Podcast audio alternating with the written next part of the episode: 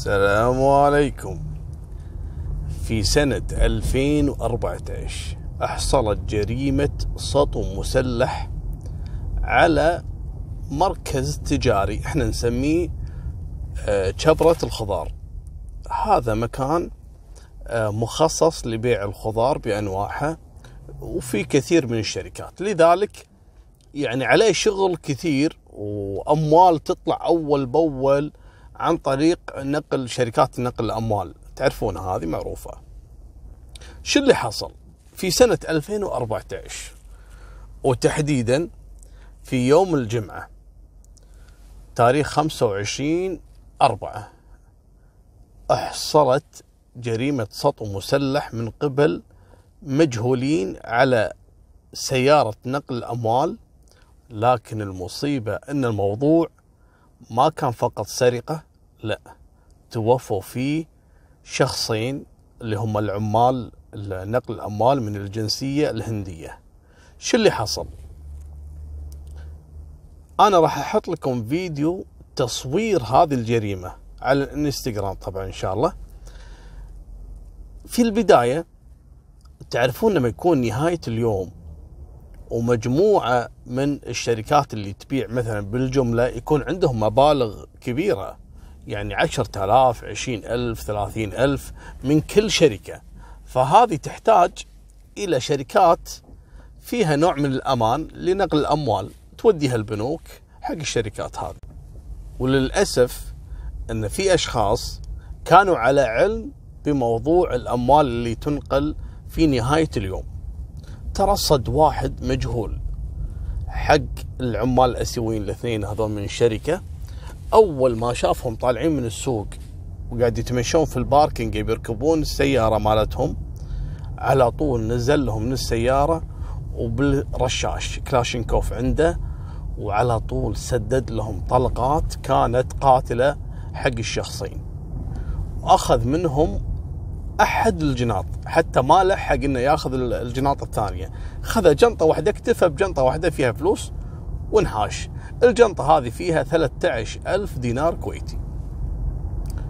طبعا استنفرت العمليات وخصوصا ذا الموضوع في سطو مسلح تعتبر هذه من الجرائم المقاربة للإرهاب لأن هذا موضوع آه مو شيء بسيط يعني ما هي جريمة عفوية لا جريمة مدبرة. فالشخص هذا دائما يكون خطر. لذلك استنفرت الدنيا انقلبت الدنيا. حتى كلنا سمعنا في القصة هذه أن ترى نادرا ما يحصل سطو مسلح. ومن هذا الشخص اللي تجرأ؟ بدأت التحريات في الموضوع طلعوا فيديو تصوير لكن للأسف الزاوية اللي حصل فيها الجريمة كانت بعيدة عن الموقع. يعني ما قدروا يرصدون لوحة السيارة مثلا أو مواصفات الشخص لأنه كان بعيد راح تشوفون الفيديو. لكن واضح العملية واضحة. المهم بدأت التحريات يدورون يدورون. ما هم قادرين يعرفون منو هالشخص هذا. ومنو الشركاء اللي معاه. وكم شخص ما حد يعرفون. لأن الشهود ماتوا. اللي هم الاثنين هذول الهنود الله يرحمهم. مالكم بالطويلة التحريات بدأت تسلك مسلك ثاني. وهذا شيء طبيعي في القضايا اللي تكون فيها غموض أو مجهول الفاعل. يتم إلقاء القبض على كل شخص متهم سابقا في قضية حمل سلاح أو سرقة أو سطو مسلح يعني خذ حكمه مثلا وخلص وقعد في البيت. يشيكون في السجون. منو اللي تم إطلاق؟ صراحة كان متهم في السطو مسلح هذا النظام معروف ونظام عالمي. قدروا يحصون أكثر من 38 شخص. بدت التحريات معاهم واحد واحد. للأسف ما قدروا يوصلون حق ولا واحد فيهم. لأن كل واحد فيهم يعني طلع لهم إثبات وين كان الساعة الفلانية هذه. وهم الموضوع ترى يحتاج إلى بحث عميق. ليش؟ ممكن مو هالشخص هذا ممكن هو أرسل شخص ثاني. فبدأ عملية البحث بطريقة جديدة اللي هي شنو؟ رصد الكاميرات اللي تكون حوالين الطرق. شفتوا هذه الشبرة كانت عندنا في منطقة اسمها شبت إلى الآن موجودة. وهي منطقة كانت صحراوية لكن الحين ما شاء الله بدأ فيها الإعمار. لذلك حاطين هالمجمع الكبير مال الشبرة فأي شخص يروح للشبرة هذه أو يطلع منها لازم يمر على الطرق الرئيسية. الطرق الرئيسية فيها كاميرات. قاموا ورصدوا جميع السيارات اللي مرت في الشارع الرئيسي أو الشوارع الفرعية المؤدية إلى هالشبره هذه. بالعربي آلاف السيارات. سيارة سيارة. شخص شخص. البحث قاعد تقريبا أربعة أيام استنفر في جميع رجال المباحث والتحريات والمخافر والدنيا كلها انقلبت على هالقصة هذه لأن هذا الموضوع وصل لأعلى مستويات عندنا في الكويت حتى أن رئيس مجلس الوزراء يعني كان حريص على القضية هذه وصرح فيها مالكم بالطويلة أحد السيارات اشتبهوا بشخص. هذا الشخص غير كويتي ساكن في منطقة القيروان. هذا الوحيد اللي حسوا إن الولد هذا ممكن طبعا من بين مجموعة إن هذا ممكن يكون له يد في الموضوع. قاموا يستدعون كل شخص يحقوا معه وين كنت اليوم فلاني؟ ليش مار في الشارع هذا اللي مؤدي للشبد الشبد هذه عشان يكون عندكم علم هذه شبد ترى مؤدية إلى الاستراحات. يعني لما يمر الشخص يا إنه رايح الاستراحة أو رايح الشبره رايح الشبره أثبت لنا إن أنت رحت الشبره وشريت. وخلنا نطلع بالكاميرات اللي داخل الشبره صورتك. إذا ما دخلت الشبره أنت رايح استراحة. قول لنا وين الاستراحة ومن اللي كان موجود هناك ومنو تعرف عليك أو يشهد إنك رحت في المكان الفلاني الموضوع صعب جدا. مالكم بالطويل الوحيد اللي ما أثبت. لا علاقته في الروحه ولا في الردة. هذا الولد اللي في القيروان عمره عشرين سنة. على طول لما اضغطوا عليه شوي كان يعترف بالموضوع. قال يبا طبعا هذا من غير محددي الجنسية الولد. قال يبا أنا آه مالي ذنب وكذا. لا تكلم حبيبي. قال يبا أنا اشتركت فقط في المراقبة. قال يعني أنت ما كنت في السيارة اللي نزل منها الشخص اللي قتل الناقلين الأموال. قال لا أنا كنت فقط مراقب للعملية. ممتاز ما في مشكلة. تعاون ويانا أفضل. قال أوكي. قال في واحد سوري هو اللي آه عمره 19 سنة السوري هذا. آه هو اللي خلاني أشترك في الجريمة. وين مكانه؟ قال مكانه في منطقة الصليبية. قالوا له ممتاز. تعال ارشدنا على مكانه. قال لهم ما في مشكلة. راحوا على طول رجال المباحث وتمت مداهمة آه، المنزل وتم إلقاء القبض على الشاب السوري اللي عمره 19 آه، سنة. آه، وينقال له عبد الله سعد العنزي. هني امسكوا عبد الله. عبد الله انت شنو علاقتك؟ على طول طبعا اعترف. قال أنا علاقتي في الموضوع فقط أنا أقود السيارة. شلون تقود السيارة؟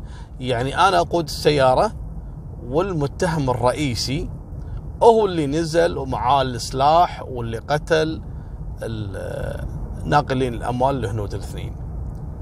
لما فتشوا الولد هذا السوري ولا معاه تقريبا 3000 دينار وكان صارف من الفلوس كذلك 3000 دينار. قالوا له ممتاز. وين السيارة اللي آه، استخدمتوها في العملية؟ قال هذه السيارة أصلا مسروقة وإحنا سرقناها في منطقة صليبية وبعد ما انتهينا من الجريمة حرقناها في أحد مزارع منطقة صليبية. قال أوكي. ليش حرقتوها؟ قال عشان نخفي أي آثار للجريمة أو أدلة تكون موجودة في السيارة. من المتهم الرئيسي؟ قال أنا أوديكم على شقة المتهم الرئيسي. وهو كذلك بدون من غير محدد الجنسية والولد كان ساكن آه، في أحد الشقق اليومية في منطقة الفروانية. الولد متغيب عن أهله ومتدمر الولد وعنده مشاكل فما يحتك مع أهله ساكن بشقة يومية في منطقة الفروانية أدل الشقة؟ قال لي نعم أدل الشقة. قالوا يلا تفضل معانا خذاهم الولد وداهم عند الشقة وألقوا القبض على المتهم الرئيسي. ينقال عبد الله يوسف سليمان عمره 21 سنة. وفتشوا ولا معاه 6000 دينار آه، باقي الأموال اللي أصلا سرقوها. على طول طبعا الولد عرف إن الموضوع انكشف. قالوا له تكلم واعترف بدون ما نضغط عليك ولا ندوخك بالأسئلة وتدوخنا نبي تقول لنا شنو القصة؟ قال لهم أنا حاضر راح أعترف بكل شيء. أنا محتاج فلوس. وأنا عايش بروحي بعد ما تركت أهلي ومأجر بروحي وما عندي وظيفة وفكرت إني أسرق الأموال. قال زين تمام. قال اشتريت السلاح هذا كلاشينكوف. من وين شريته؟ شريته من واحد آه، عراقي الجنسية. آه، قبل سنتين كنت محتفظ فيه وهذا العراقي تم إبعاده عن الكويت في قضية سرقة. والسلاح هذا فكرت إني أستخدمه في قصة نقل الاموال هذه إني أخذ منهم الأموال اللي يخلصون قالوا له إيش؟ قال أنا كنت ناوي إني أشتغل في الشبرة هذه نفسها وكنت عارف بعض التفاصيل شلون عملية تحصيل الأموال والأموال وين تروح بالنهاية وكذا فعرفت أن هذه أفضل طريقة أني أحصل فيها فلوس وهذول شفتهم عرفت أن هذول ينقلون أموال هم من الجنسية الأسيوية. يعني ما هم عرب ولا كويتيين. فممكن أني أسيطر عليهم. فلما ترصدت لهم في يوم الجمعة ونهاية اليوم آه، اكتشفت إنهم ماسكين عدد من الجناط. أنا قربت من عندهم في سلاحي نزلت من صاحبي هذا السوري اللي كان يقود السيارة. لكنهم ما خضعوا قلت لهم أعطوني كيس ما رضوا الهنود. فأطلقت النار على واحد الثاني حاول يهجم علي فأطلقت النار على الثاني. أخذت أحد الأكياس وهربت أنا وصديقي. وبعد ما خلصنا وزعنا الأموال بيننا أنا والسوري وكذلك الثالث اللي ساكن في القيروان. ووزعنا كل واحد ونصيبه وتفرقنا. وحرقنا السيارة في أحد مزارع صليبية. وخبيت سلاح الكلاشينكوف في أحد المناطق البرية حفرت حفرة آه، أكثر من مترين ودفنت السلاح علشان ما حد يكتشف الدليل. طبعا النيابة أمرت آه، بمرافقة المتهم إلى مكان آه، إخفائه للسلاح الجريمة وتم استخراجه والتحفظ عليه. وتم محاكمة الأشخاص الثلاثة آه، إلا أن تم تبرئة المتهم الثالث اللي كان يراقب لأنه ما في أي دليل ثابت عليه. أما القاتل الرئيسي والسوري اللي كان يقود السيارة تم الحكم بإعدام المتهم الأول اللي هو البدون آه، وسجن السوري عشر سنوات مع إبعاده عن الكويت بعد انتهاء آه، القضية. وهني تم إغلاق قضية السطو المسلح على شبرة الخضار في الكويت عام 2014 وفي نهاية سالفتنا هذه تعرفون مثل هالقصص هذه ما تنفع للأطفال ابدا. لذلك لا تنسون توجهون عيالكم إلى قناة ولدي ولدكم عيسى ولد أبو طلال الحمراني. أنا سويتها كذي بصراحة لأنها تكون سهلة عليكم وهو يطرح قصص خاصة في الأطفال. وفمان الله مع السلامة.